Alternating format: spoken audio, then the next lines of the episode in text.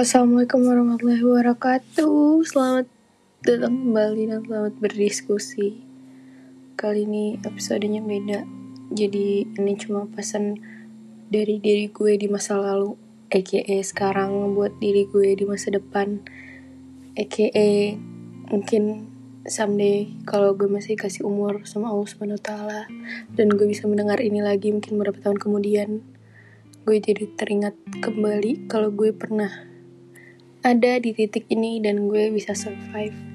Jadi div buat lo di masa depan kalau lo menemukan masalah-masalah yang bikin lo stres banget, lo inget ini sekarang bulan November tahun 2020 dan 2020 adalah salah satu tahun yang berat buat lo banyak banget kejadian kejadian-kejadian yang lo nggak harapin bakal terjadi dan terjadi banyak banget ekspektasi-ekspektasi lo yang hancur lebur.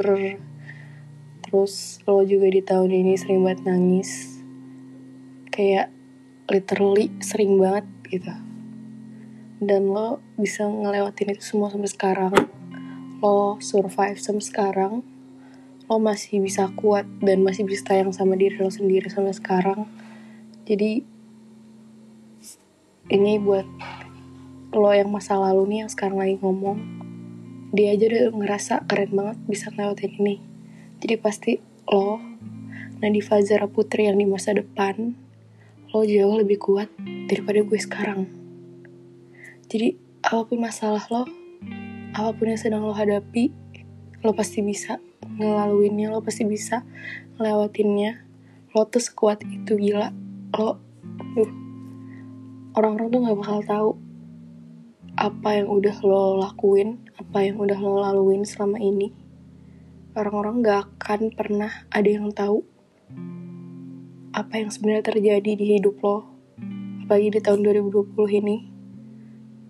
Dan please gak usah peduliin orang-orang di luar sana yang gak ngerti apa-apa itu gitu loh.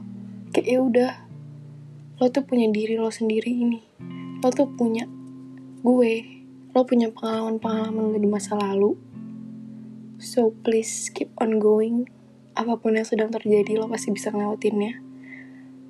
Sendirian apa pun lo lo pasti bisa ngelewatinnya. Lo pasti bisa jadi orang yang jauh lebih kuat. Dan um, lo yang di masa lalu ini adalah seseorang yang udah ngerasa kalau step by step tuh emang makin susah.